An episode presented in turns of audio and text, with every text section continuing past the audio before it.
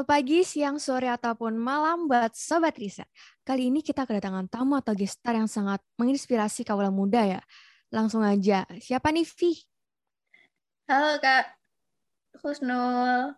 Halo Kak Kusnul. Halo Alivia, Zafira, apa kabar? Kabar baik dong Kak. Alhamdulillah. Alhamdulillah baik. Iya. Iya, coba dong disapa dulu Kak buat Sobat Risetnya. Halo Sobat Riset, apa kabar? Semoga semuanya dalam keadaan sehat ya, tanpa kurang suatu Amin. apa pun. Amin. Kalau kabar dari Kak Kusnul sendiri gimana nih? Alhamdulillah baik. Em, baik kok, baik. Alhamdulillah. baik atau baik banget nih Kak? Eh, ya baik lah gitu ya. Oke. Oke, jadi Kak Kusnul ini salah satu pernah menjadi wisud- wisudawan terbaik ya di UPN Jawa Timur di jurusan Administrasi Negara dengan IPK 3,97. Wow, wow banget gak sih? Kayak Wow, amazing. Iya kan? Zaman sekarang IP hampir sempurna itu sangat sulit gitu loh. Nanti kita bakalan ulik nih tips dan triknya gimana jadi mahasiswa terbaik. Nah, Kak Kusnul juga menjadi sekarang menjadi mahasiswa baru S2 di salah satu universitas ternama yaitu UGM. Dan tak kalah kerennya Kak Kusnul juga lolos seleksi dari beasiswa LPDP yang sangat sulit ya untuk lolos gitu. Nah, pasti sobat riset makin kepo dong ya. Nah, aku juga kepo pastinya. Kali ini kita langsung ulik aja ya ke Kak Kusnul. Oke. Eh, mau tanya nih ke Kak Kusnul. Eh, selama sepanjang hidupnya ini pernah nggak sih buat kayak karya ilmiah atau artikel gitu? Oh, artikel ya. Em, tentu pernah ya dan lumayan banyak yang telah aku hasilkan. Ketika S1 setidaknya ada tujuh artikel ilmiah, lima sudah terbit, dua masih proses ya selama kuliah kayak gitu. Hmm, S1, Itu- ya. ya selama S1 itu. Hmm. Kok bisa Wah, banyak banget? Itu gimana ya Kak? Maksudnya inisiatif sendiri atau karena tuntutan apa gitu? Em, dulu ketika S1 itu aku mencoba peruntungan gitu ya untuk ikut call for paper waktu itu. Nah, dari situ em, kemudian aku menjadi em, presentator terbaik dan kemudian itulah yang kemudian memotivasiku untuk membuat karya-karya lagi. Tapi nggak hanya itu sih, ada salah satu dosen yang memang ambis banget di untuk nulis artikel ilmiah gitu ya. Itu yang akhirnya juga memotivasi, akhirnya memicu untuk membuat karya lagi-lagi dan lagi kayak gitu. Wow, jadi karena pengalaman, jadi first experience-nya udah menang gitu ya Kak? Atau udah good experience, jadinya pengen lagi, lagi, dan lagi ya Kak? Buat membuat karya. Iya, bener banget. Tapi ya gitu standarnya masih S1 waktu itu Mhm. karyanya. Oke, kalau di jurnal sendiri, pernah nggak sih Kak kayak nyampe di Sinta atau di jurnal apa gitu? Eh, kalau jurnalku ini semuanya Sinta, mulai dari Wow. Sinta 3, 4, eh, 5. Ini yang dua masih progres karena reviewnya juga lama banget kayak gitu. Itu yang Hmm. aku bilang dua progres tadi itu ya itu di Sinta 2 sama di Sinta eh, 4 1 terus tiga juga Sinta 3 juga masih ada satu gitu ya masih proses review semua kayak gitu. Keren banget ya Kak, OMG, sumpah. Maksudnya kayak dalam S1 itu udah nyampe Sinta banyak banget gitu. Nah, mungkin pada tahap pembuatan karya itu masih dalam bimbingan atau kayak mencoba membuat sendiri atau tim atau individu atau gimana Kak? Kalau selama ini artikel-artikel yang aku buat ini jujur ya, maksudnya sebagian besar itu aku mengerjakan eh, bukan mengerjakan sendiri tapi lebih ke porsinya itu banyak aku yang mengerjakan kayak gitu. Jadi eh, mungkin kalau bimbingan itu mungkin untuk jurnal atau artikel ilmiah yang khusus untuk skripsi kemarin itu mungkin ada bimbingan kayak gitu kan. Tapi kalau eh, artikel dari skripsi, jadi kan disuruh buat artikel dari skripsi, lah itu aku terbitkan sebanyak dua dua artikel gitu ya di dua jurnal. Nah itu yang mungkin ada bimbingan waktu itu mungkin dari segi uh, apa namanya penghitungannya karena kan kuantitatif kayak gitu. Tapi Hmm. untuk yang artikel-artikel lain itu murni dari um, aku sendiri kayak gitu. Oke. Kalau menurut Kak Kusnul sendiri itu karya yang paling bikin terkesan dan kayak ini bener-bener aku banget gitu, apa ya Kak? Oke.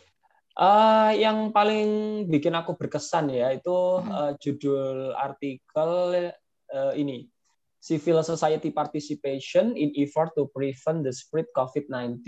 Nah itu. Jadi uh, intinya adalah aku menjelaskan uh, partisipasi masyarakat gitu ya dalam menangani pandemi COVID. Lah itu kebetulan waktu itu KKN lah karena. KKN kan diwajibkan untuk buat jurnal tuh waktu itu. Nah jurnalnya langsung tak terbit, tak buat gitu ya, tak buat sendiri gitu langsung tak terbitin di Sinta 3 dan alhamdulillah saat ini sudah disitasi oleh jurnal uh, internasional ini. Aku lihat kemarin uh, disitasi oleh jurnal internasional dengan judul Community Level Experience, Understanding and Response to COVID-19 in Low and Middle Income Countries.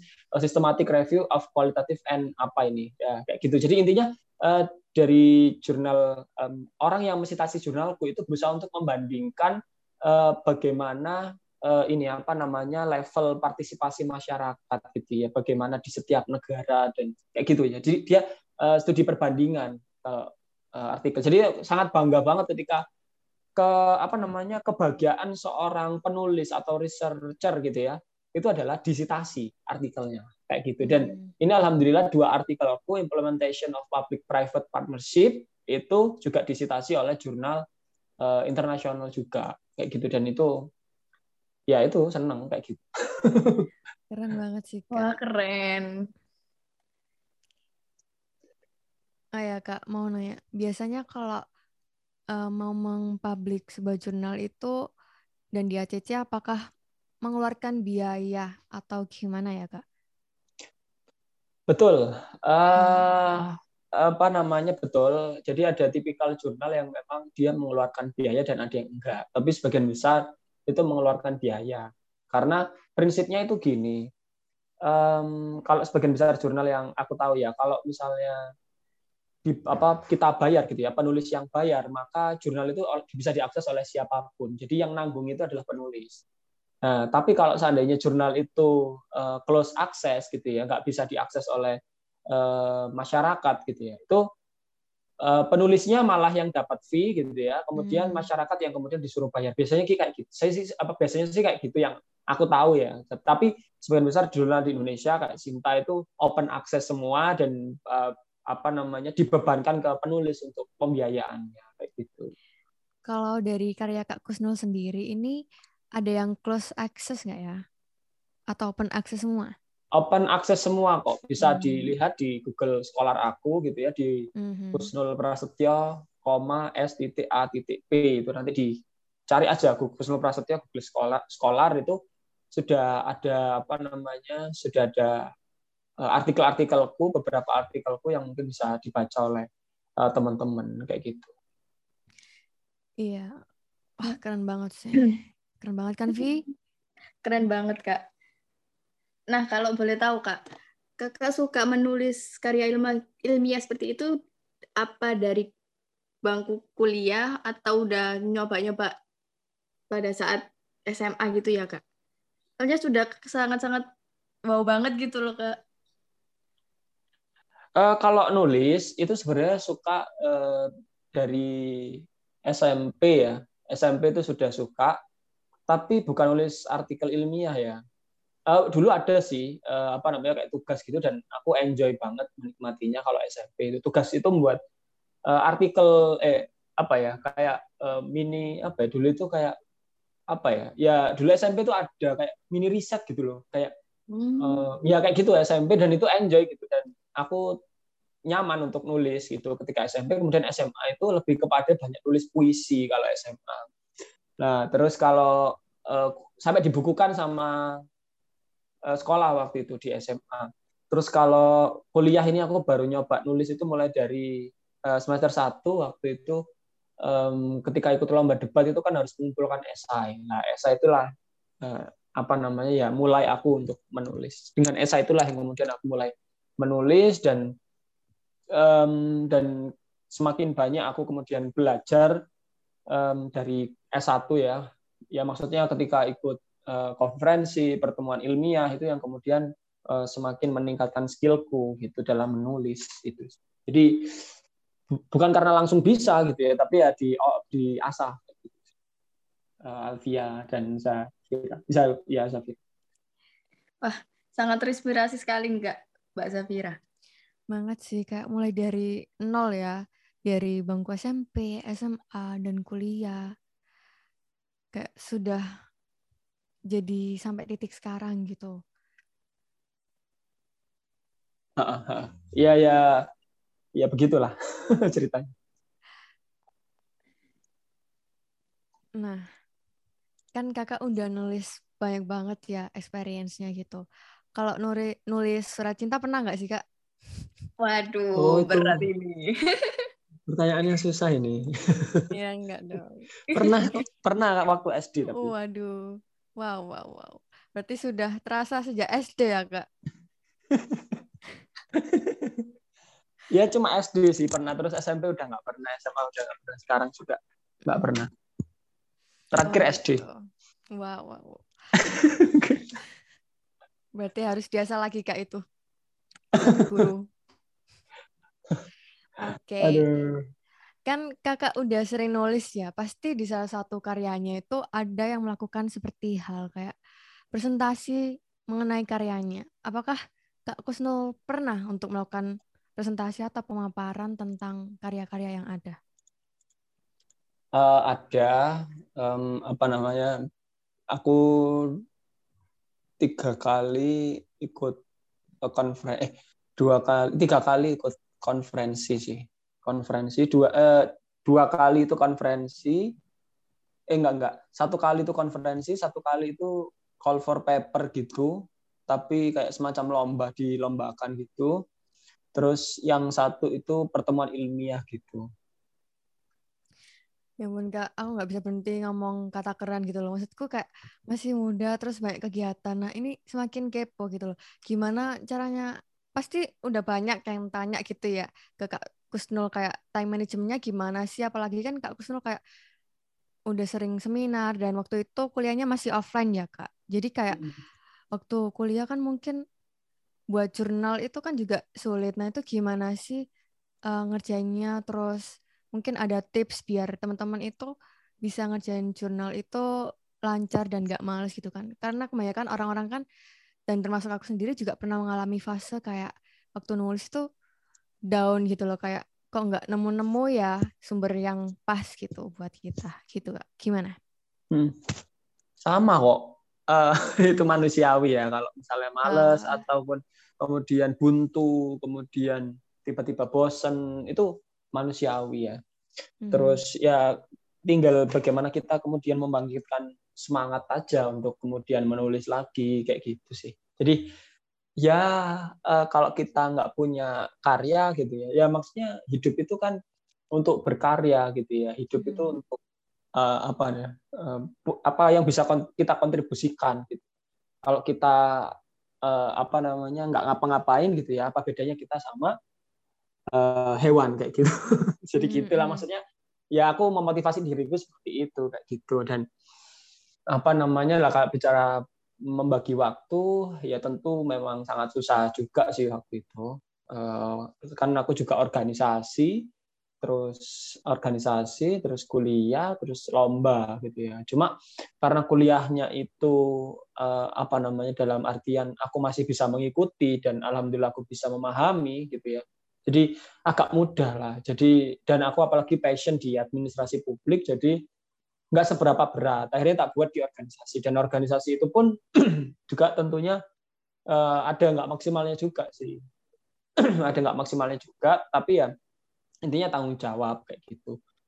Karena aku juga pengen aku uh, menemukan apa ya kayak uh, titik kejenuhan ketika berorganisasi gitu ya. Hmm. Kemudian akhirnya aku cari aktualisasi yang lain di perlombaan menulis gitu ya aku berharap ya semuanya bisa aku dapatkan gitu semuanya bisa aku dapatkan ketika kuliah nggak hanya organisasi aja kalau organisasi aja aku stagnan kayak gitu akhirnya hmm. aku mencoba menulis dan kemudian aku juga berusaha untuk uh, um, apa ikuti berbagai macam perlombaan. Kalau secara waktu ya tentunya uh, itu harus uh, ya intinya sih uh, pen, apa pinter-pinter untuk mengatur skala prioritas gitu ya. Misalnya kalau hmm. lomba gitu ya, maka ya organisasi mungkin dipending dulu gitu ya kalau mau lomba. Tapi kalau nggak lomba mungkin atau nggak nulis gitu ya. Jadi uh, waktu itu kita harus benar-benar setting gitu ya, di mana kita harus bisa kalau misalnya hari ini rapat ada urusan organisasi ya kita fokus di organisasi. Kalau misalnya besok ada waktu luang ya kita nulis.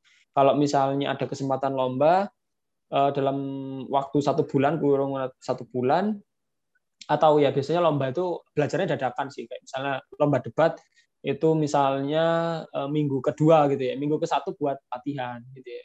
Nah jadi dua minggu itu full untuk uh, apa kegiatan lomba. Setelah itu ya kembali lagi ke aktivitas uh, semula gitu. Tapi bukan berarti uh, meninggalkan tanggung jawab di organisasi tetap gitu ya. Kalau misalnya jadi ketua dulu ya tentunya harus uh, bisa minta tolong ke anggota gitu, untuk dihandle untuk beberapa hal kayak gitu. Jadi intinya atur skala prioritas saja, jangan sampai ya ada kalanya memang tabrakan, tapi bagaimana kita mengatur komunikasi juga dijaga dengan teman-teman kayak gitu sih. Oke oke. Jadi memang ya Kak, manusiawi banget kalau misal kita tuh ngerasa bosen kalau melakukan hal kegiatan apa dan ya cara kita gimana gitu ya mencari motivasi untuk kita survive dari perasaan Betul. bosen itu. Pakat. Yes. Nah, kembali lagi nih Kak tentang presentasi. Nah, Kak Kusnul ini mungkin sudah pernah kan ya tadi kalau misal pernah mempresentasikan karya ilmiahnya. Nah, biasanya itu kalau semisal lomba karya ilmiah yang dilihat atau semisal penilaian presentasi dalam melakukannya itu apa aja sih Kak? Mungkin dari cara bicaranya atau poin-poin PPT-nya. Sebenarnya kunci dari presentasi itu adalah yang pertama itu substansi atau konten dari um, penelitian kita atau um, artikel yang kemudian kita tawarkan, topik uh, ya call for paper yang kita tawarkan, itulah yang menjadi substansinya sebenarnya. Tingkat uh, apa namanya persentase terbesar penilaian itu ada di situ. Sebagus apa pun kita mempresentasikan gitu ya, tapi kalau seandainya artikel kita nggak seberapa hmm. bagus, juga nggak bisa uh, menang kayak gitu. Tetapi tapi aku pernah dalam situasi dan kondisi di mana artikel itu ya eh, standarnya nggak tinggi, biasa-biasa aja, tapi aku bisa, ya ini juga, jadi keduanya itu harus balance sih menurutku ya. Tapi karena dengan presentasi, akhirnya ya semua itu jadi apa ya poin plus kayak gitu. Jadi gini, kan kalau di perlombaan atau konferensi gitu kan ada beberapa penilaian misalnya best artikel, kemudian best paper gitu ya, best paper atau yang kedua itu best presentation. Nah, aku sebagian besar itu dapat best presentation kayak best presentasi kayak gitu ya karena itu kemampuan public speaking. Mm-hmm. Nah, kalau artikel uh, tentu akan kalah dengan yang kualitasnya S2 atau teman-teman uh, dari kampus yang uh, ternama kayak gitu dulu ya. Jadi ketika pertemuan ilmiah administrasi publik, mahasiswa administrasi publik di Indonesia, itu yang artikel yang terbaik waktu itu paper terbaik itu UNER karena memang luar hmm. biasa sih mereka eh, inputnya juga bagus, kemudian dari sisi dosennya juga berkualitas kan. Jadi bimbingan apa? Jadi kualitas papernya juga otomatis kan luar biasa bagus kayak gitu. Nah akhirnya aku ngandel apa? Tapi sebenarnya aku juga nggak ekspektasi untuk menang juga waktu itu uh, untuk presentasi. Tapi ternyata ya alhamdulillah um, kuncinya sih ya itu ya bagaimana kita. Uh, jadi kuncinya presentasi itu adalah uh, ability to tell the story terus bagaimana kemudian kemampuan kita untuk menceritakan, kemudian ability to persuade. Jadi bagaimana kemudian kita apa, membujuk mereka, menghipnotis mereka supaya mereka um, fokus ke kita gitu ya, membujuk mereka agar mereka itu tertarik dengan penelitian kita kayak gitu. Dan um, presentasi itu juga bicara tentang uh, ability to express your touch. Jadi bagaimana kemudian kita mengekspresikan apa gagasan kita gitu ya. Jadi um, jadi itu satu apa keseluruhan sama yang terakhir itu uh, ini apa ability to know your audience. Jadi kita juga harus tahu bagaimana psikis daripada audiens kayak gitu. psikis daripada audiens ini gimana gitu ya. Kalau misalnya uh, presentasinya terlalu kaku itu juga nggak bagus. Akhirnya waktu di pertemuan ilmiah mahasiswa administrasi publik Indonesia, temu admin namanya, waktu itu tak buat uh, apa ya dingin, emosinya tak buat santai gitu ya, hmm. nggak kaku. Nah itu yang kemudian akhirnya menarik juri akhirnya jadi uh, best presentator itu waktu itu ya itu jadi kita harus tahu bagaimana uh, psikis uh, psikologi audiens itu seperti apa bosan kalau siang dan bagaimana itu tahu nah kemudian juri juga nah itu bagaimana itu juga harus kita uh, apa namanya harus bisa kita perkirakan juga. Jadi uh, yang pertama adalah bagaimana kita kemampuan kita menceritakan gitu ya. Maksudnya inti intinya um, menceritakan apa sih topik penelitian kita dan sebagainya, kemudian uh, membujuk mereka supaya mereka itu um, mendengarkan kita gitu ya, bagaimana caranya gitu ya. Kemudian yang ketiga itu bagaimana kemampuan kita untuk mengekspresikan gagasan gitu ya, supaya terlihat lebih menarik dan sebagainya kayak gitu sih. Jadi itu sih kayak kuncinya ada empat itu tadi kalau dari aku. Berarti ada empat ya teman-teman tips untuk mungkin mempresentasikan karya kalian. Yang pertama ada ability to tell, menceritakan topik penelitian kalian. Terus ada to persuade atau membujuk para hmm, audiens. Terus ada ekspresi your untuk touch. gagasan, hmm. ya itu. Dan yang terakhir ada know your audience. Jadi kita juga perlu ada mengetahui psikis dari audiens. Jadi kita juga harus apa timbal balik juga ya kak sama audiens. Hmm, betul betul betul. Atau juri juga ya, ya. yang Nah, pasti kita udah dapat tips yang mantep banget nih. Jadi kita tinggal mempraktekkan ya habis ini, sobat riset. Let's go. Terus uh, ini sih bagaimana kemudian um, apa namanya kita mendeliver gitu ya gagasan kita ketika kita presentasi. Um, yang pertama itu ini aku ada tips lagi ya. Yang pertama itu yang okay. ya, yang pertama itu kita harus punya ya namanya satu tujuan atau hasil yang kita inginkan. Outputnya apa sih gitu ya? Dari penelitian ini kita ingin apa kayak gitu. Mm-hmm. Jadi uh, ingin memecahkan masalah apa itu yang pertama. Kemudian yang kedua adalah ceritakan pengalaman yang praktis gitu ya. Jadi pengalaman praktis ini maksudnya adalah kalau di penelitian berarti apa? Research depth-nya itu apa, kesenjangan penelitiannya apa, permasalahannya apa, sosial konstruknya apa? Kayak gitu. Dan kemudian uh, yang ketiga tetap ya, bagaimana kita harus mengetahui keinginan audiens gitu dan penyelenggara itu seperti apa itu harus benar-benar kita patuhi gitu. Nah, SOP-nya seperti apa, standarnya seperti apa, audiens itu tipikalnya seperti apa, akademis atau agak uh, suka apa ya itu kita harus ketahui dan yang terakhir adalah kita harus memperhatikan uh, dari sisi opening, substansi dan closing. Jadi opening, substance sama uh, closing. Jadi opening itu adalah penentu opening itu penentu dari presentasi-presentasi kita berikutnya. Itu yang sangat-sangat menurutku luar biasa harus kita perhatikan ya. Opening ini kalau opening kita jelek, maka akhirnya ke belakang-belakang juga akhirnya um, apa psikis audiens atau juri juga akan jelek, hmm. bad mood kayak gitu. Akhirnya moodnya akhirnya jadi jelek. Jadi pertama itu kita harus benar-benar mungkin tegas, mungkin pakai jargon, gagasan. Hmm. Dulu saya itu uh, kalau presentasi untuk di uh, temu admi yang konferensi pertama yang dapat best presentator itu sebenarnya nggak ada hmm. konsep ya intinya aku cuma public speaking aja ngawur gitu tapi alhamdulillah cuma intinya aku ada guyon-guyonannya gitu ya supaya nggak tegang gitu ya karena semuanya presentasi tegang semua. Aku berusaha untuk mendinginkan mereka itu satu. Itu teknik satu. Kemudian di kedua di undip waktu itu ke, konferensi itu aku menggunakan uh, skema kayak um, pertama kayak ini uh, drama dulu gitu ya drama. Kemudian ada kayak kita seperti membacakan berita gitu ya jadi tek tek tek tek gitu. Kayak Indonesia merupakan bla bla bla. Kemudian baru kita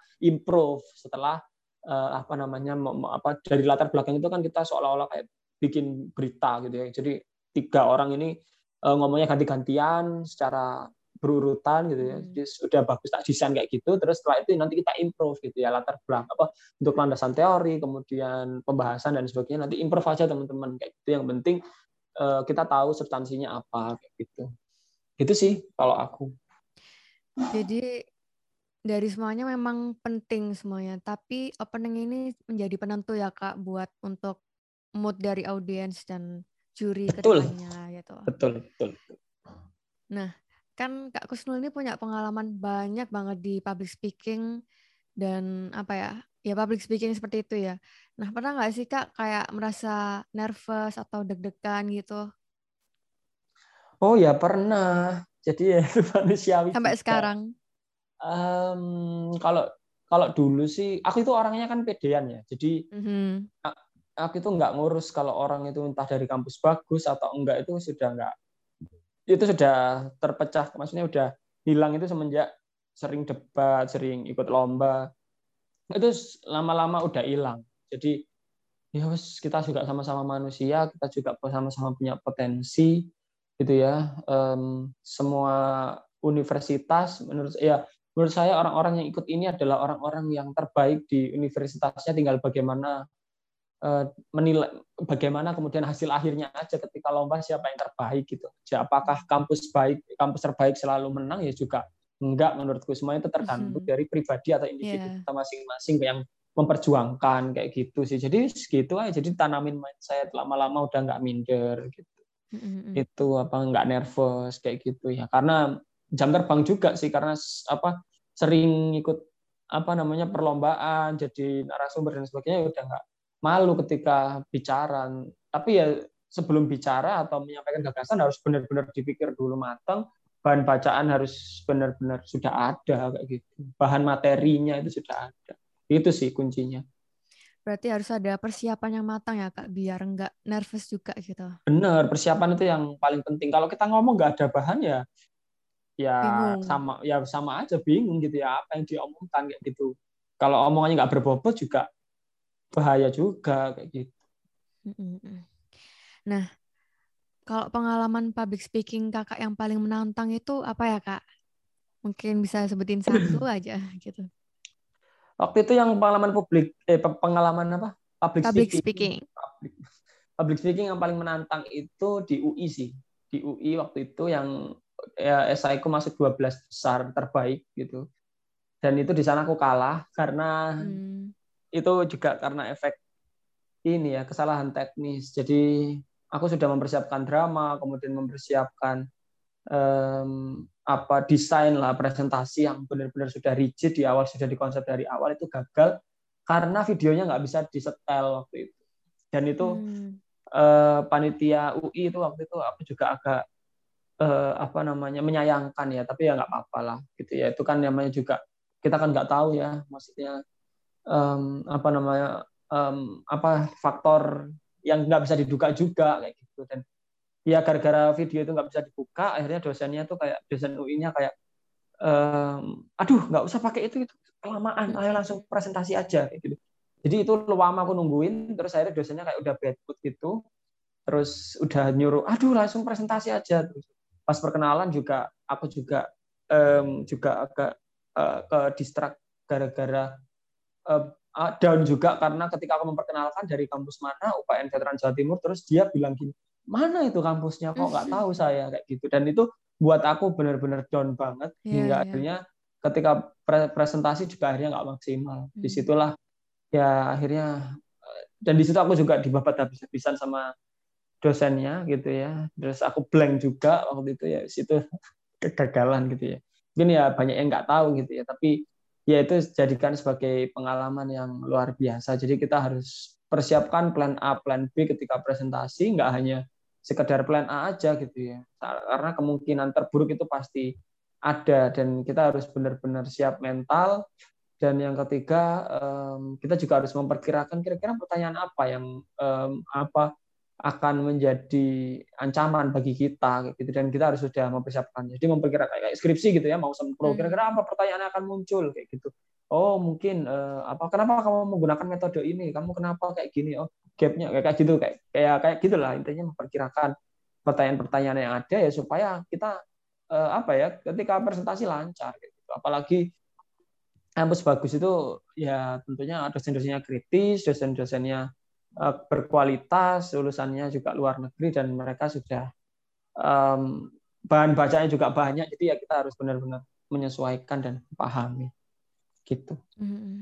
Berarti kita harus nyiapin plan A dan plan B ya kak, walaupun misal ada kendala di plan A gitu ya.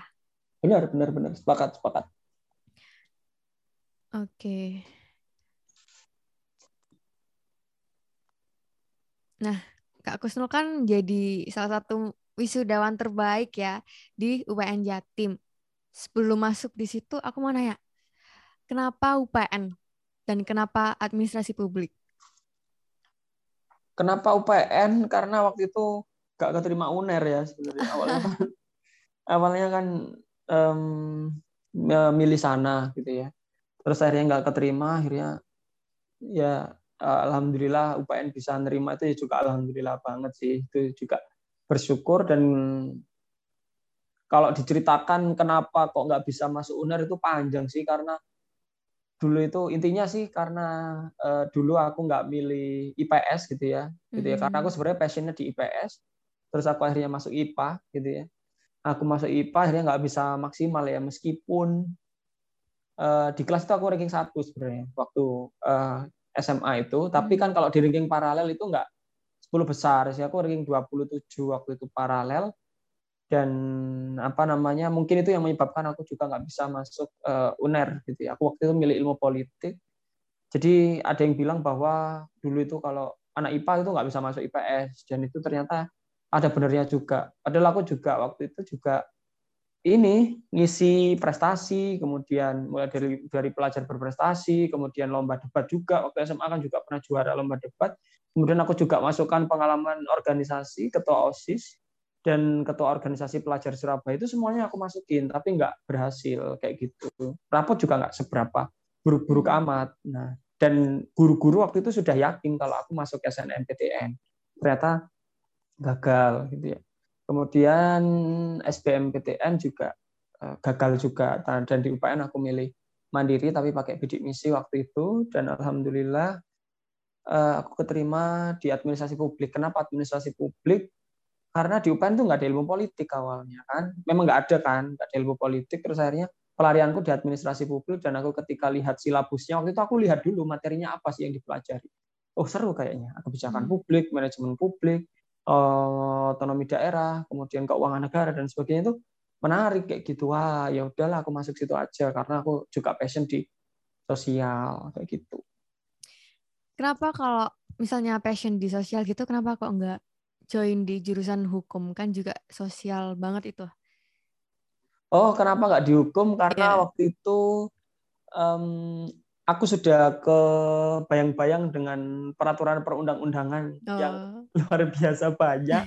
Terus suruh ngapalin aku juga males. Aku bukan tipikal orang yang suka apalan ya.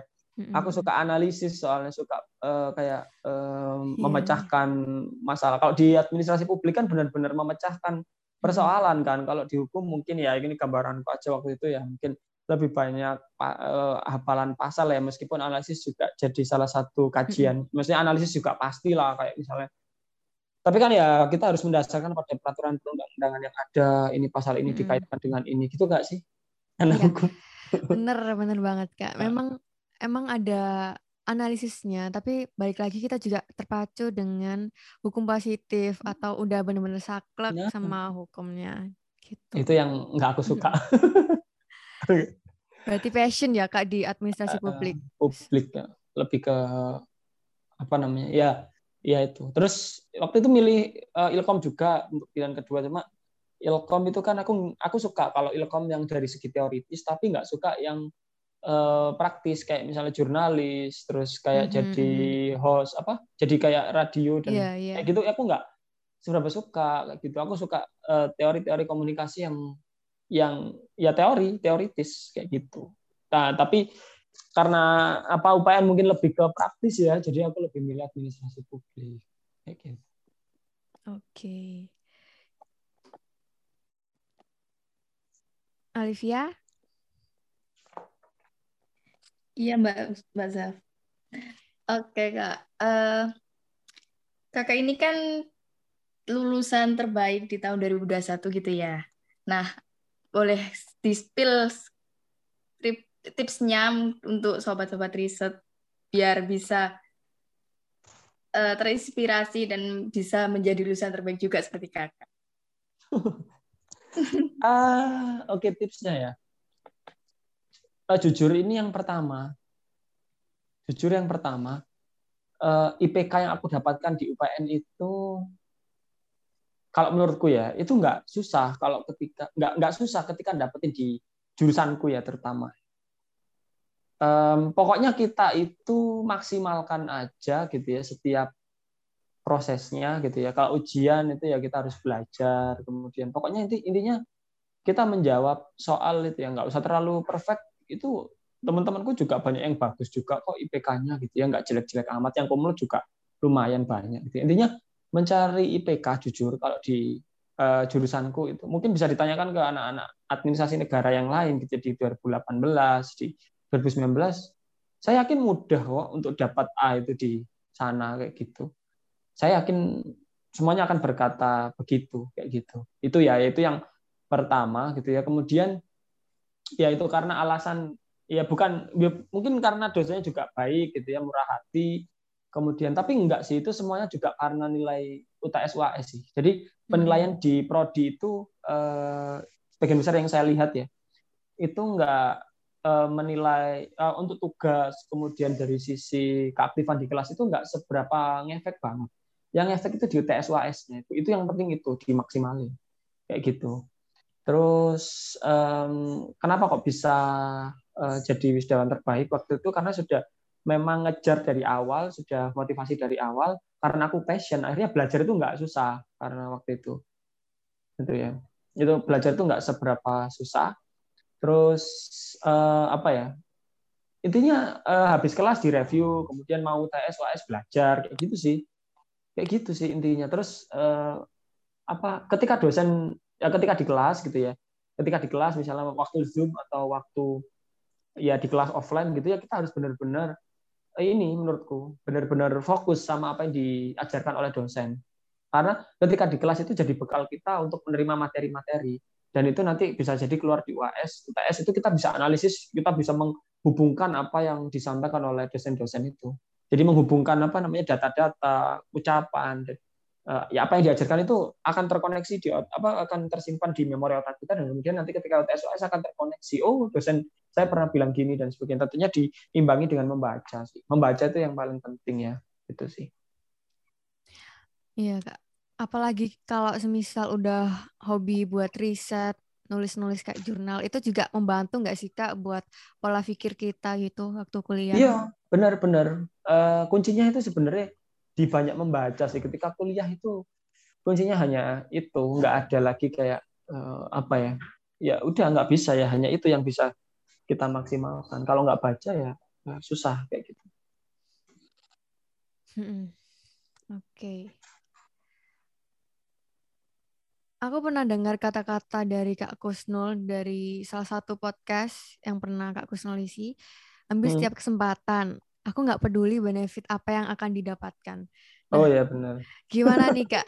Kenapa kok akhirnya punya mindset atau pemikiran kalau se semuanya itu bisa diambil, semua kesempatan itu kita ambil aja. Terus kalau ada kesempatan yang memang nggak ada benefitnya, itu gimana kak? Tetap kakak ambil atau bagaimana?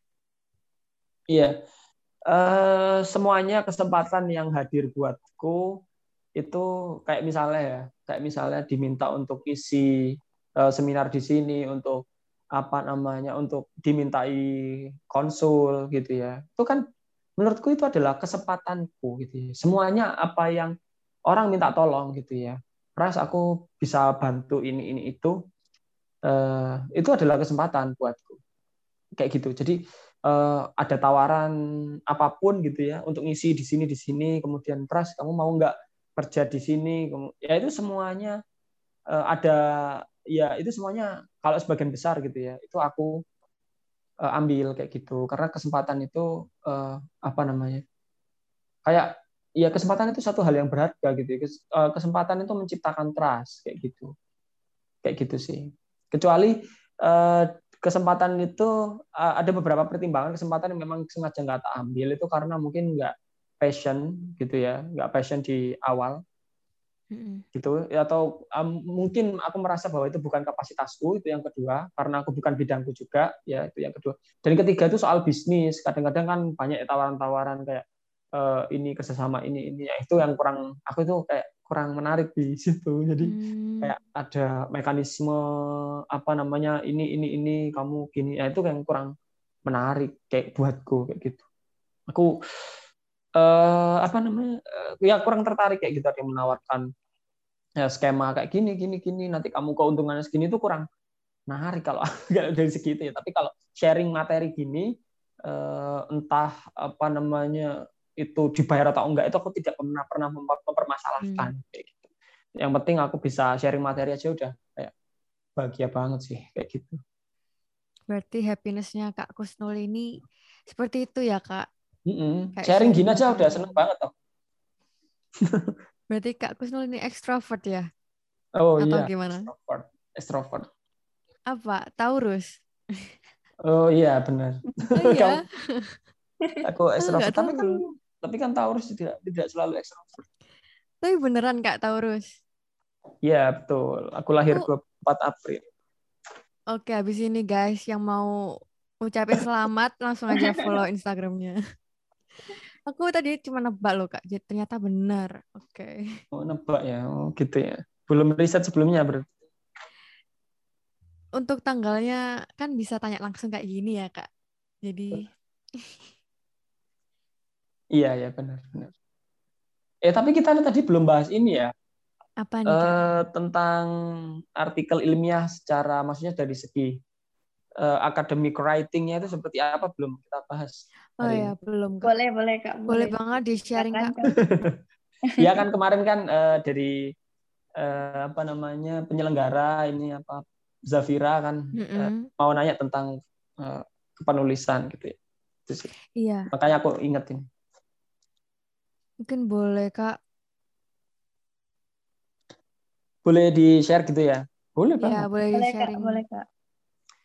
Oke, jadi em, karya ilmiah atau ya itulah eh, artikel ilmiah gitu ya, itu tidak terhindar dari yang namanya academic writing. Jadi itu tidak terlepas dari academic writing. Jadi bagaimana kemudian menulis secara akademis itu berbeda dengan menulis secara eh, fiksi gitu ya. Jadi beda kayak gitu ya. Hmm, ya. Nah, apa eh, apa sih eh, poin-poin dalam academic writing gitu ya? Yang pertama itu eh, kaidah akademik. Itu yang pertama. Kaidah akademik itu mulai dari eh, bagaimana kemudian mensitasi, bagaimana menulis daftar pustaka gitu ya. Kemudian dari sisi eh, literatur yang kita ambil itu misalnya kita eh, sesuaikan dengan jurnal yang kemudian kita submit kayak gitu. Eh, artikel apa namanya? tulisan kita itu namanya artikel jurnal itu kumpulan artikel. Nah, itu yang mungkin salah dipahami oleh sebagian besar orang. Sebagian besar artikel satu itu udah dianggap jurnal, tapi bukan. Jurnal itu adalah kumpulan artikel kayak gitu. Nah, satu pep, apa satu artikel itu ya yang kita punya itu itu artikel kayak gitu. Nah, itu. Nah, dalam penulisan eh, artikel ilmiah itu harus benar-benar kita sesuaikan dengan eh, standar dari jurnal masing-masing. Kalau Sinta 2 misalnya atau Sinta 1 eh, itu harus banyak dari jurnal internasional, kemudian em, referensi lima tahun terakhir lah itu itu harus benar-benar kita pegang gitu ya kemudian template-nya itu kemudian seperti apa itu harus benar-benar kita eh, apa namanya kita kita eh, at- patuhi kayak gitu kemudian yang kedua adalah dari sisi impact gitu ya dari dampak kira-kira dampak apa sih yang bisa kita berikan kontribusikan eh, dari penelitian kita itu apa apa kontribusi penelitian kita untuk masyarakat gitu ya eh, dari sisi teoritik, konseptual, empirik gitu ya. Kemudian metodologis itu apa? Kayak gitu. Kemudian eh, yang selanjutnya adalah em, kita harus benar-benar em, bertanggung jawab gitu ya. Maksudnya dari sisi etika gitu ya. Ketika misalnya kita mensitasi, eh, ketika kita em, berusaha untuk apa ya ambil artikel orang lain ya jangan lupa untuk disitasi ya tanggung jawab gitu ya nggak boleh nggak boleh asal dikopas kalau butuh ya diparafrase kayak gitu. Jadi itu sih tanggung jawab. Kemudian em, yang ke, selanjutnya itu adalah kita benar-benar mendasarkan artikel kita berdasarkan bukti gitu ya, evidence kayak gitu. Buktinya apa kayak gitu. Kayak gitu ya. Terus kemudian selanjutnya itu eh, tentunya dalam artikel ilmiah itu ada yang namanya limitasi atau batasan penelitian kita. karena tidak mungkin peneliti itu benar-benar powerful, uh, super power gitu ya, kemudian semua dijangkau itu ya nggak akan bisa. Jadi kita harus menentukan batasan apa dan itu memang wajar kayak gitu. Dan kemudian yang selanjutnya adalah uh, dari sisi EYD ya, ya EYD ejaan yang disempurnakan atau kalau nggak salah PUEBI kalau ya KB apa di bahasa Indonesia pedoman umum ejaan bahasa Indonesia ya kayak gitulah jadi itu harus benar-benar benar kayak gitu. Kemudian uh, mungkin kalau artikel itu ringkas gitu ya. Kalau bicara skripsi itu kan sangat-sangat kompleks ya. Itu bahkan ada suatu hal yang memang nggak perlu dicantumin gitu. Banyak uh, apa apa kayak nggak hal-hal yang nggak substansial juga dimasukin sampah-sampah dimasukin gitu kan kalau skripsi karena dituntut untuk harus tebal gitu ya persepsinya orang skripsi harus tebal gitu ya. Nah beda kalau artikel harus benar-benar ringkas dan yang terakhir mungkin um, faktual gitu ya, faktual. Jadi lebih kepada um, um, berdasarkan fakta dan kemudian uh, terbaru kayak gitu. Dari penelitian yang apa gagasannya baru kayak gitu. Terus apa yang membedakan kemudian artikel yang berkualitas dengan yang biasa kayak gitu, gitu ya? Itu bisa dilihat dari ini uh, sintanya sih itu yang pertama. Tapi sinta juga tidak Eh, menjadi tolak ukur juga kualitas paper itu bagus. Yang yang bisa jadi tolak ukur adalah substansi dari artikel itu. Misalnya kalau level S1 itu biasanya deskriptif, kemudian eksplanatif, kemudian ya analisis ya normatif kayak gitu misalnya. Itu S1. Tapi kalau S2 eh, mungkin ya maksudnya itu level anak-anak S1 yang buat maksudnya artikelnya atau yang um, artikel ilmiah yang standar itu ya seperti itu deskriptif eksplanatif yang selama ini aku kerjakan adalah artikel-artikel deskriptif karena aku kan S1 kan selama ini kemudian S2 ketika S2 sudah menginjak eh, artikel-artikel yang harus dibuat secara idealnya dibuat secara bagus. Lah bagus itu apa? Kriterianya yaitu lebih kritis, kritis mendalam kayak gitu. Jadi eh, mengkritisi dari sisi yang pertama eh, dari sisi problematikanya kayak gitu ya.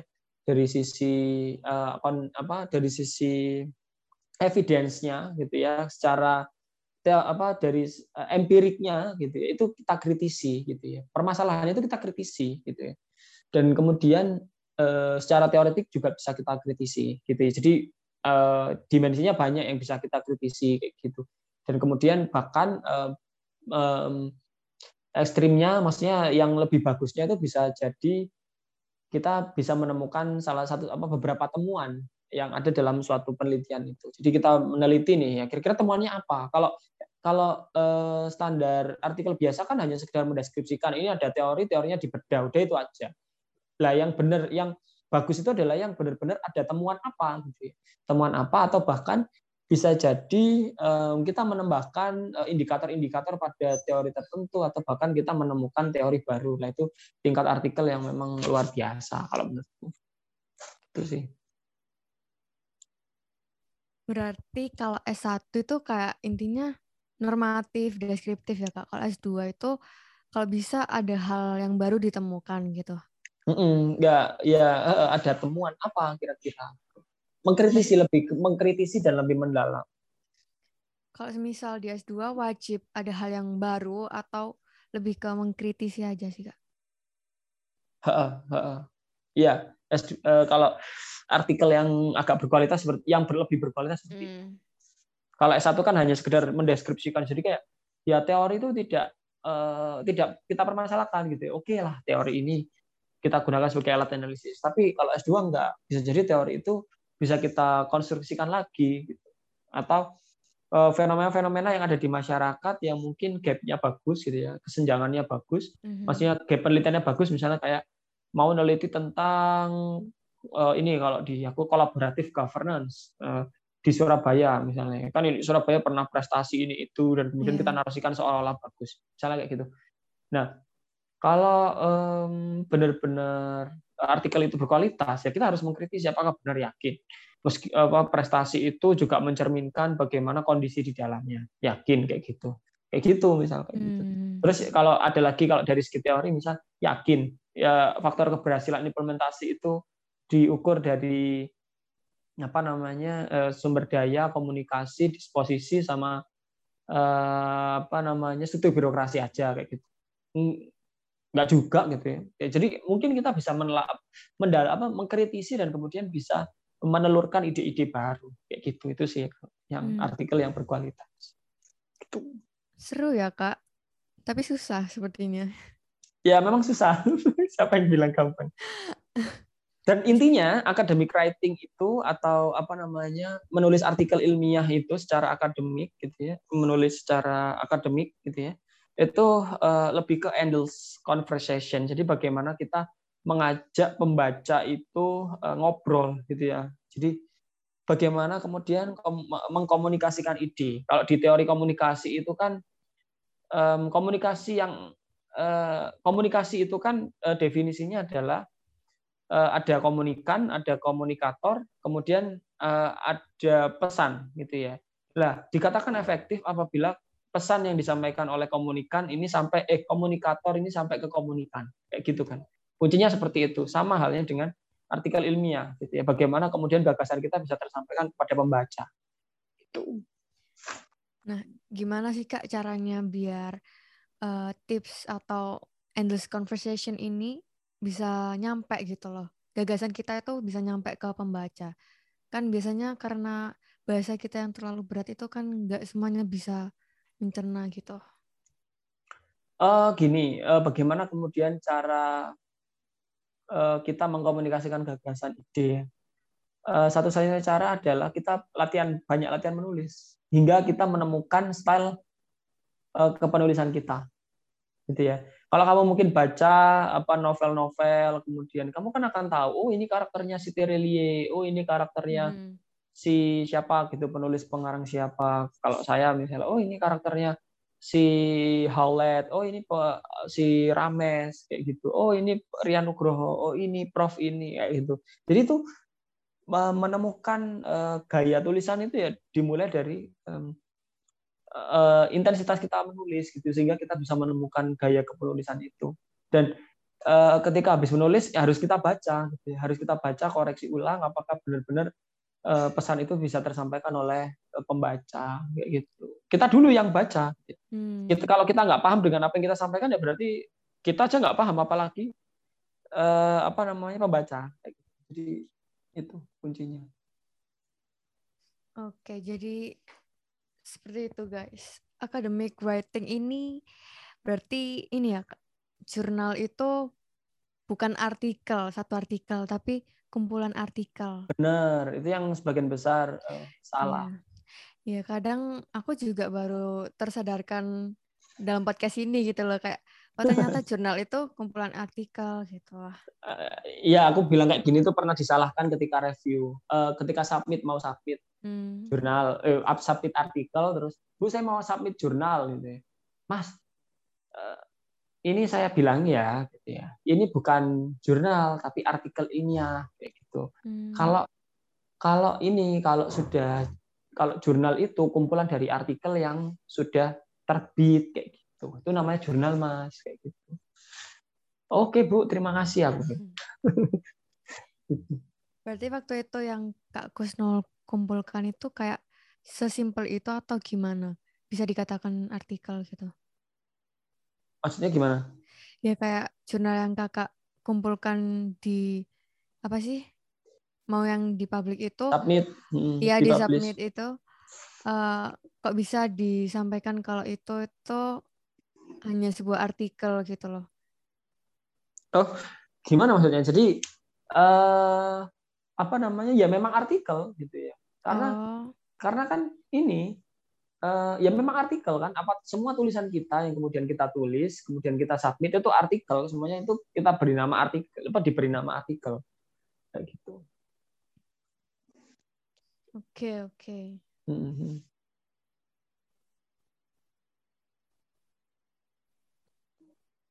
ya begitu. Jadi apa namanya Zafira? Ya kak. Paham. Nah mau tanya nih kak kan biasanya itu ada ini ya masa editor atau editor mengumumkan kayak revisian dari jurnalnya itu nggak sih kak? Biasanya. Mm -hmm, benar-benar.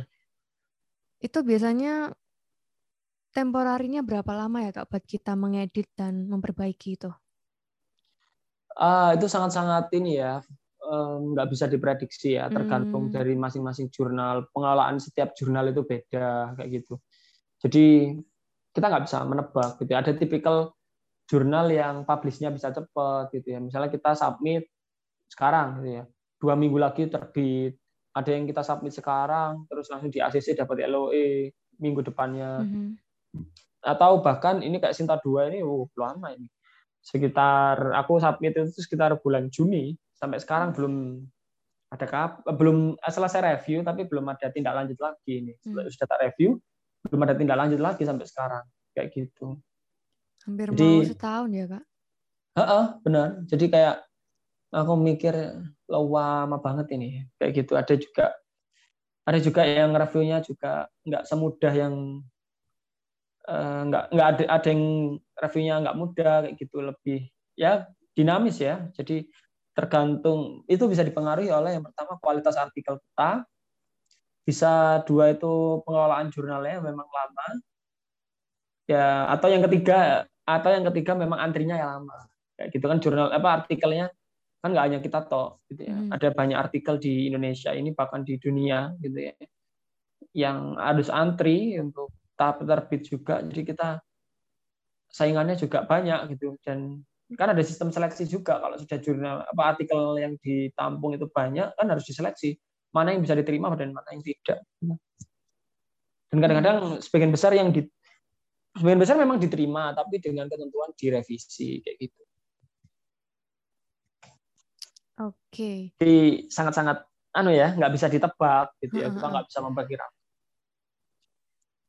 Jadi menyesuaikan dengan jurnalnya itu ya kak betul betul.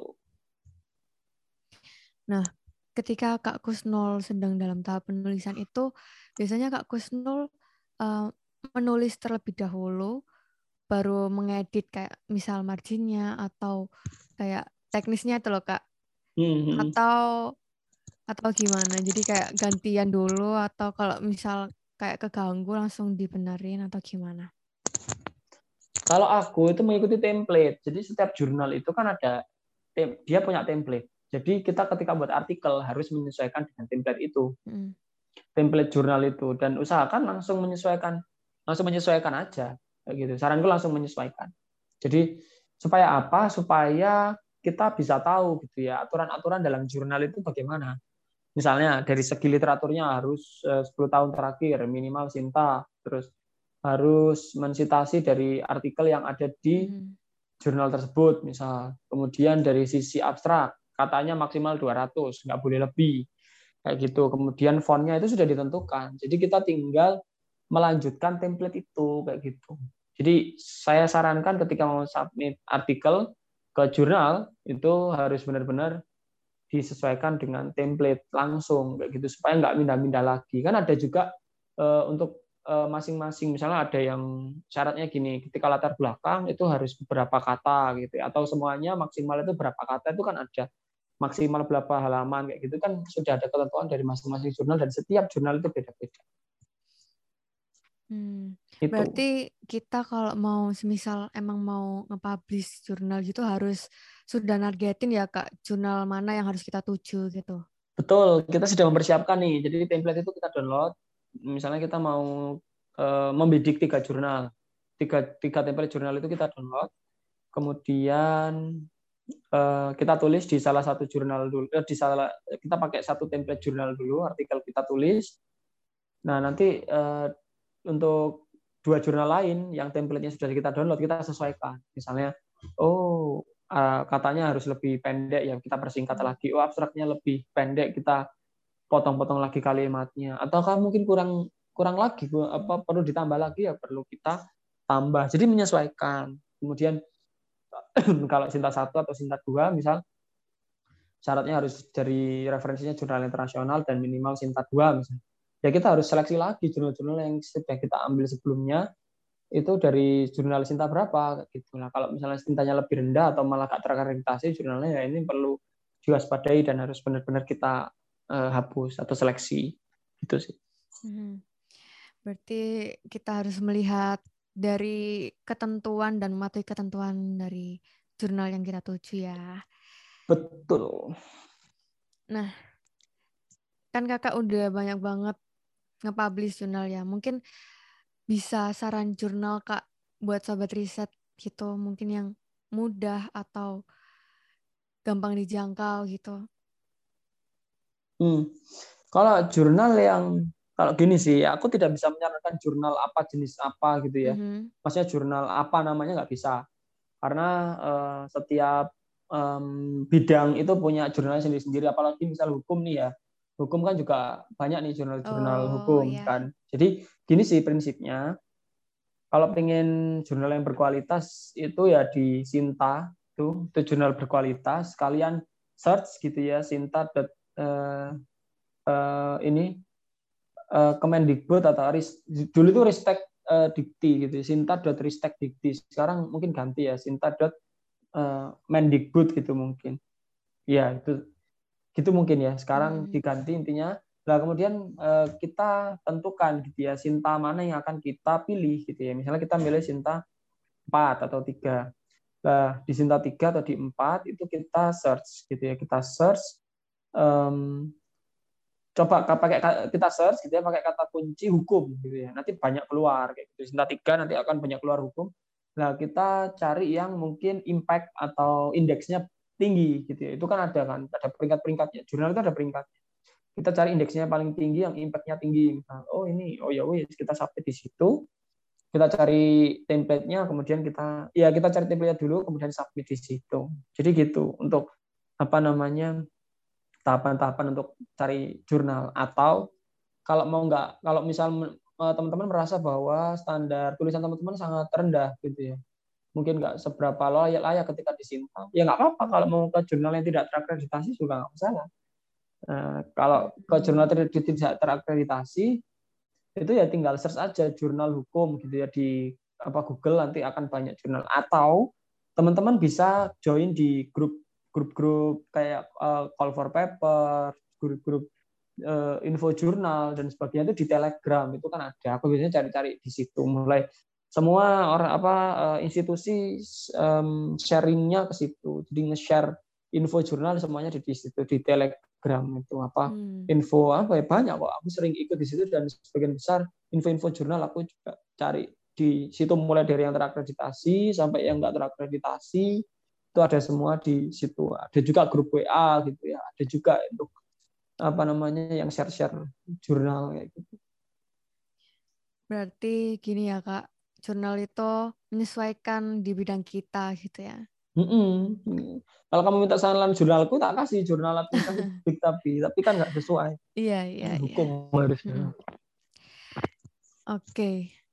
kalau Kak Kusno sendiri ada rencana nggak ya untuk nge-publish ke Scopus?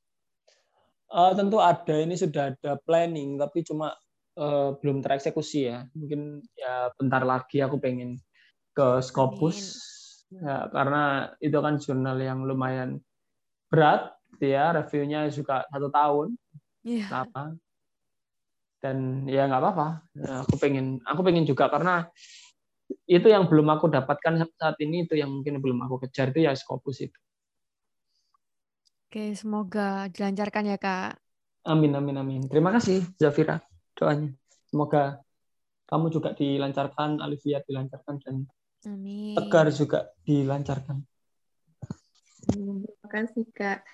Ah, sangat uh, tertantang ya Mbak Zaf untuk bisa nulis karya ilmiah. Mm-mm. Sangat termotivasi banget. Iya, betul. Uh, mungkin pertanyaan dari aku sih, Kak.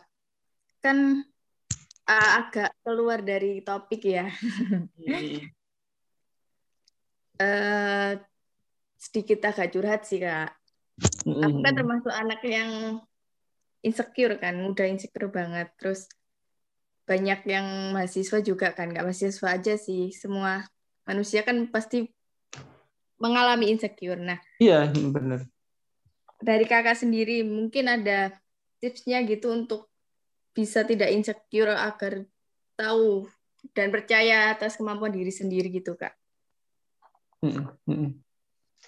Um, Oke, okay. uh, wajar ya kalau seandainya. Aku juga uh, pernah uh, insecure gitu ya, juga pernah insecure dan itu memang uh, ya memang wajar gitu ya, karena kita juga manusia gitu ya. Tapi uh, aku punya buku menarik ini, apa namanya? Aku baru apa baca habis baca buku namanya Awaken Your Giant gitu ya. Ini yang nulis temanku sih, Denny Bekti namanya. Nah, di situ itu ditulis bahwa eh, apa namanya? kita itu ketika lahir itu sudah ketika kita lahir itu sudah ditakdirkan sebagai pemenang gitu ya.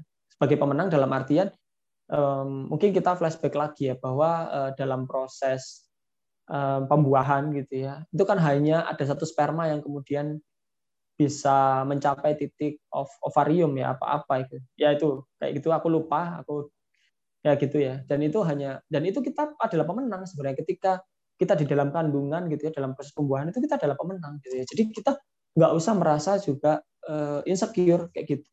Dan sebenarnya manusia itu punya keunikan masing-masing kayak gitu. Jadi dan manusia itu punya uh, potensi tersendiri gitu ya. Jadi kita nggak bisa uh, menyamakan dengan uh, orang lain kayak gitu. Einstein kan pernah berkata juga ya, setiap orang itu jenius. Setiap orang itu jenius. Tapi kalau kamu menilai seekor ikan dari kemampuannya untuk memanjat pohon, ya maka seumur hidup ia percaya bahwa dirinya bodoh kayak gitu. Ya jadi ya apa namanya ikan suruh manjat pohon ya nggak bisa kayak gitu. Kalau ikan suruh berenang ya dia jago gitu ya. Tapi kalau monyet suruh manjat pohon ya itu memang dia ahlinya di situ. Lah itu yang harus kita benar-benar pahami. Kita punya potensi, kita punya segudang uh, apa namanya bakat gitu ya. Ya nggak segudang ya, maksudnya kita punya bakat-bakat tertentu, itu ya itulah yang kita optimalkan. Nah, gitu. Ketika kita insecure sama orang lain, ya orang lain itu punya kehebatan dari sisi apa? Nah, kita nggak harus jadi orang lain itu. Kita cari eh, bidang-bidang lain yang memang kita bisa gitu, yang yang kita apa bisa maksimal di situ. Nah, itu yang apa namanya yang terus harus kita apa namanya pupuk ya, maksudnya kita tanamkan dalam mindset kita kayak gitu. Dan kemudian misalnya uh, gini, kita insecure itu nggak apa-apa, tapi insecure harus diimbangi dengan kerja keras dan harus benar-benar ya kita nggak bisa apa namanya ya apa nggak apa males-malesan gitu ya. Kita insecure tapi diimbangi dengan kerja keras juga gitu ya. Percuma kalau misalnya kita insecure sama orang itu tapi kita juga nggak ada usaha untuk eh, mungkin seperti orang itu tapi dalam bidang yang lain ya seperti yang aku sampaikan tadi ya sama aja kita akan jadi seperti itu. Tapi intinya setiap manusia itu punya kelebihannya masing-masing, punya potensi yang luar eh, biasa gitu ya. Nah, tinggal kita mengoptimalkannya kayak gitu. Uh, aku juga pernah ini ada quotes-nya ada quotes-nya Buya Hamka. Jadi salah satu pengerdilan terkejam dalam hidup itu adalah membiarkan pikiran yang cemerlang menjadi budak bagi tubuh yang malas, yang mendahulukan istirahat sebelum lelah. Jadi ini ada hubungannya sama yang tadi. Kita punya potensi, segudang potensi, kita punya uh, dari lahir kita sudah ditakdirkan sebagai pemenang, gitu ya. Tapi ya ketika kita ditakdirkan sebagai pemenang ya di dunia juga harus tetap apa ya ya ya itu itu untuk memotivasi kita bahwa kita lahir sudah jadi pemenang nah di sisi lain manusia ditakdirkan di dunia seperti kata Einstein kita punya bakat kita punya potensi yang besar gitu ya tapi potensi itu juga harus diimbangi dengan kerja keras seperti yang dikatakan oleh Buya Hamka gitu ya kita jangan membiarkan pikiran kita pikiran cemerlang ini jadi jadi budak bagi tubuh yang malas gitu ya mendahulukan istirahat sebelum lelah kayak gitu wow Sangat termotivasi ya. Aku juga lagi di masa insecure nih. Tapi mendengar kata-kata itu kayak teringat lagi kalau ya, ya. iya, kalau kita itu punya potensi sendiri-sendiri. Uh, soalnya nggak ada manusia yang lahir tanpa bakat atau kemampuan. Semuanya uh, punya kemampuan gitu ya. Jadi kita semua itu nggak pernah diberi mimpi tanpa diberi kekuatan untuk mewujudkan. Jadi intinya hanya perlu bekerja keras gitu. Nah, untuk ngomong-ngomong soal mimpi nih Kak. Iya nih. Ini gak sih Kak? Apa? Sepertinya kita punya pertanyaan yang sama nih, Vi. Tapi kamu aja deh. Yuk. Oke. Okay. Uh, eh, omong-omong soal mimpi gitu ya kayaknya. Pasti kan semua orang punya mimpi yang sangat besar. Nah, hmm. aku sendiri pun punya mimpi yang uh, mungkin bisa dibilang banyak gitu ya kak. Hmm. Tapi kayak mempunyai rasa apa ya nggak percaya gitu loh kak bisa nggak ya aku bisa ngewujudin mimpi itu gitu apa dari kakak perlu nggak sih untuk bermimpi juga terus triknya untuk kita bisa mewujudkan mimpi itu apa gitu kak? Hmm. hmm. Oke, okay, uh, eh, menarik ini ya.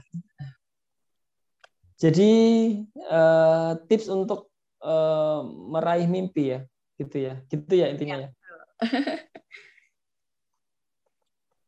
Sebenarnya uh, apa namanya? Ini aku mulai dari ini ya, awal mula untuk menciptakan mimpi ya. Apa ya? Bagaimana meraih mimpi gitu ya maksudnya ya? Gitu iya. Kan? Iya. Jadi uh, mimpi itu kan, jadi gini pemikiran kita itu sebenarnya menciptakan kepercayaan. Nah, jadi ketika kita berpikir gitu ya, eh, ketika kita eh, apa namanya memimpikan sesuatu gitu ya, kita punya tujuan gitu ya. Ketika kita berpikir seperti itu gitu ya, kita akan menciptakan suatu kepercayaan. Nah, kepercayaan itu akan menciptakan suatu tindakan. Dan tindakan ini akan menciptakan karakter. Kayak gitu. Jadi maksudnya apa? Jadi gini, misal, tak contohin, tak contohin. Jadi kita misalnya berpikir untuk uh, menjadi seorang uh, jadi seorang misal apa ya wali kota misal atau presiden gitu ya. Sini mimpinya muluk-muluk ya besar ya. Nah mimpi ketika kita apa namanya berpikir seperti itu gitu ya. Kemudian kita yakin itu akan menciptakan ya itu akan menciptakan suatu kepercayaan. Nah karena kita sudah percaya bahwa kita akan jadi presiden gitu ya. Biasanya anak, -anak kecil itu kan masih belum paham dinamika ya itu akan menciptakan suatu tindakan. Kepercayaan itu akan menciptakan suatu tindakan.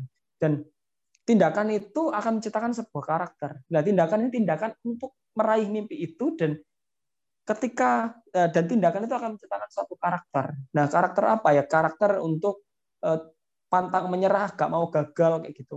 Jadi itu. Jadi semuanya itu dimulai dari apa ya? pemikiran yang kuat gitu ya, mimpi yang kuat dulu kemudian menciptakan kepercayaan dan kepercayaan itu menciptakan tindakan tindakan menciptakan karakter. Jadi itu kayak gitu. Jadi kalau kita nah karakter itu apa? Karakter seorang pemenang kayak gitu. Jadi ya tapi nggak harus apa namanya nggak harus kita bermimpi menjadi seorang presiden juga ya. Kita sesuaikan dengan kemampuan kita juga ya. Tapi ya aku yakin dalam perjalanannya pasti juga banyak terjal gitu ya. Kemudian akhirnya kita harus mengubah plan kita. Awalnya dulu, dulu pengen ini sekarang jadi ini kemudian. Nah karena apa ya? Karena gini loh. Semua itu tergantung dari eh, apa yang kita impikan gitu ya. Ketika kita punya target itu ketika kita mengarahkan seluruh kegiatan kita untuk mengejar itu insya Allah bisa kok gitu ya. Aku yakin bisa kayak gitu. Jadi aku yakin bisa gitu ya dan kemudian bagaimana tindakan itu tindakan itu adalah upaya untuk mencari jalan mencari jalan bagaimana untuk mengejar mimpi itu. Kayak gitu. Ketika tindakan itu secara konsisten dilakukan berulang-ulang, itu akan menciptakan karakter-karakter apa seorang pemenang kayak gitu. Kayak gitu. Oke. Jadi um, gimana? Uh, apa? Aku punya ini, ada hukum yang namanya ini law of attraction. Jadi hukum hmm. tarik menarik antara diri kita dengan alam semesta. Kayak gitu. Jadi Bob hmm. Proctor itu kan eh, pencetus hukum ini ya. Dia itu mengatakan bahwa kita semua hidup eh, kita semua hidup dan bekerja itu dengan suatu kekuatan yang tak terhingga. Jadi di mana pun berada, kita semua hidup dan bekerja dengan satu kekuatan hukum yaitu hukum tarik menarik, gitu ya. Jadi ada gaya tarik menarik yang bekerja di sekeliling kita. Jadi antara kita dan alam semesta yang kemudian kita tinggali. Jadi jadi intinya menurut law of attraction ini segala sesuatu yang datang kepada kita itu adalah karena kita sendiri yang menariknya. Gitu ya. Jadi segala sesuatu itu tertarik kepada kita Karena apa yang sebenarnya kita pikirkan dan gambar apa gambar-gambar keyakinan kemudian kita pelihara dalam benak kita, kemudian begitu kuatnya gitu ya hingga apa pun yang ada dalam benak kita itu benar-benar ditarik menjadi kenyataan hidup kita sendiri kayak gitu. Jadi kayak gitu. Jadi apa yang kemudian kita gambarkan dalam benak kita itu eh, apa ya? Apa ya adalah eh, suatu hal yang eh, ya gitulah pokoknya intinya ya paham ya maksudnya aku Paham. eh, ya, Benar terwujud gitu ya kak. Ah, benar-benar ah, terwujud. benar-benar benar-benar ya intinya em, ya intinya kayak misalnya ya tadi kayak misalnya eh, apa namanya eh, si siapa tadi yang minder tadi insecure tadi Saya Saya. semuanya. Heeh. Iya. Kadang-kadang kadang-kadang kita itu eh, minder gitu ya dengan orang orang lain insecure. Misalnya eh, kita kalah cantik gitu ya. Misalnya ya, ya teman-teman kalah cantik itu minder. Kemudian eh, kalah nilai, misalnya nilainya lebih jelek minder. Kemudian kalah kaya, minder. Kalah followers, minder. Pokoknya intinya eh, intinya kehidupan kita itu kayak minder semua, insecure semua. Jadi menurutku wake up, wake up aja kayak gitu. Jadi eh, menurut saya eh, berarti ada yang salah dengan diri kita gitu ya. Ada yang salah dari cara kita memandang eh, kehidupan. Nah, coba kita tanyakan lagi gitu ya ke diri diri kita masing-masing. Apa sih ukuran sukses kehidupan sebenarnya gitu ya? Apakah followers banyak, apakah kemudian kekayaan atau ketenaran atau apa kayak gitu. Nah, jadi eh, apa namanya aku ya ingat ingat apa namanya hadis eh, Rasulullah gitu ya. Itu dari eh, apa ya Abu Hurairah gitu ya itu Rasul itu berkata eh, bersabda gitu ya sesungguhnya Allah itu kan nggak melihat dari bentuk rupa dan harta kan tetapi melihat dari hati dan amalan gitu ya jadi ya kesuksesan sebenarnya ya diukur dalam dua hal yaitu hati dan amal solih itu tadi. Ujung-ujungnya kan itu balik ke apa, konsep eh, apa ya? Jadi ya eh, nggak usah minder dengan orang gitu ya nggak usah minder dengan orang ini yang kemudian kaya atau apa ya nggak usah. Ukuran kesuksesan itu hanya hanya di hati kayak gitu. Kalau menurut Tuhan ya kayak gitu. Itu sih. Dan itu tadi. Kok ke mana-mana ya Enggak dong kak. Enggak, Kak. Ini kak berarti berhubungan dengan afirmasi ya kak. Bahwasannya mimpi kita itu bakal tercapai. Nah. Nggak kerasa kak, ternyata pertanyaan tentang mimpi ini yang bisa memotivasi sobat riset menjadi pertanyaan terakhir di podcast volume kedua ini. Jadi benar-benar podcast perdana. Nah, percaya dan punya target itu harus kita arahkan untuk membuat sebuah tindakan mencari jalan untuk mengejar mimpi kita. Bener nggak sih kak? Benar benar Oh, iya.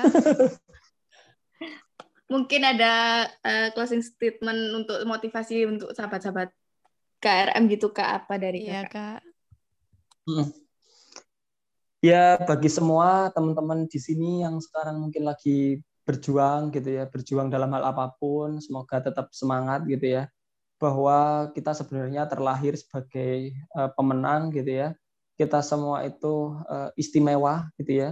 Coba eh, kita bandingkan gitu ya, siapa yang lebih baik antara em, Lionel Messi dengan Justin Bieber gitu ya. Kemudian coba kita kita apa coba kita juga ini misalnya sama apa Ustadz Abdul, Abdul Somad sama Bill Gates mana yang lebih baik Terelie atau Sule ya nggak bisa kita bandingkan karena perbandingannya jelas-jelas Iya. beda gitu ya. Nah tapi yang bisa kita pahami dari sini adalah semuanya orang-orang istimewa punya kemampuan di bidang masing-masing. Messi di bola Justin Bieber di nyanyi Ustadz Abdul Somad sebagai pendakwah Bill Gates sebagai pencipta Microsoft Terelie sebagai penulis Sule sebagai pelawak kayak gitu kan. Jadi hikmahnya apa ya? Intinya jangan apa namanya jangan jangan bandingkan diri dengan orang lain secara sembarangan gitu ya. Kita punya potensi khas unik dan nggak sama orang nggak sama dengan orang lain. Dan kita itu istimewa dengan cara kita sendiri. Jangan dipaksa harus sama orang lain. Dan kemudian yang mungkin bisa kita lakukan sekarang adalah eh, fokus saja pada eh, prestasi kayak gitu. Prestasi apa yang bisa kita berikan atau karya apa yang bisa kita berikan eh, kepada dunia kayak gitu. Kayak gitu. Kemudian kita juga harus berani karena benar kayak gitu. Dan kemudian em, kita itu diukur dari apa yang kita berikan, bukan apa yang kemudian kita miliki, gitu ya. Tadi itu ber, apa tadi yang aku jelaskan juga tadi eh, mengenai tolak ukur kesuksesan dan kemudian yang kelima kita itu jangan takut eh, gagal kayak gitu. Jadi insecure boleh, but we must survive with our potential. Nah, kayak gitu. Thank you Kak Kusnul sudah mengisi podcast kita kali ini. Thank you Kak sudah sharing-sharing pengalamannya yang sangat luar biasa. mm -mm, siap, siap sama-sama. Oke, okay, see you soon Kak. Bye-bye. Sama-sama, terima kasih.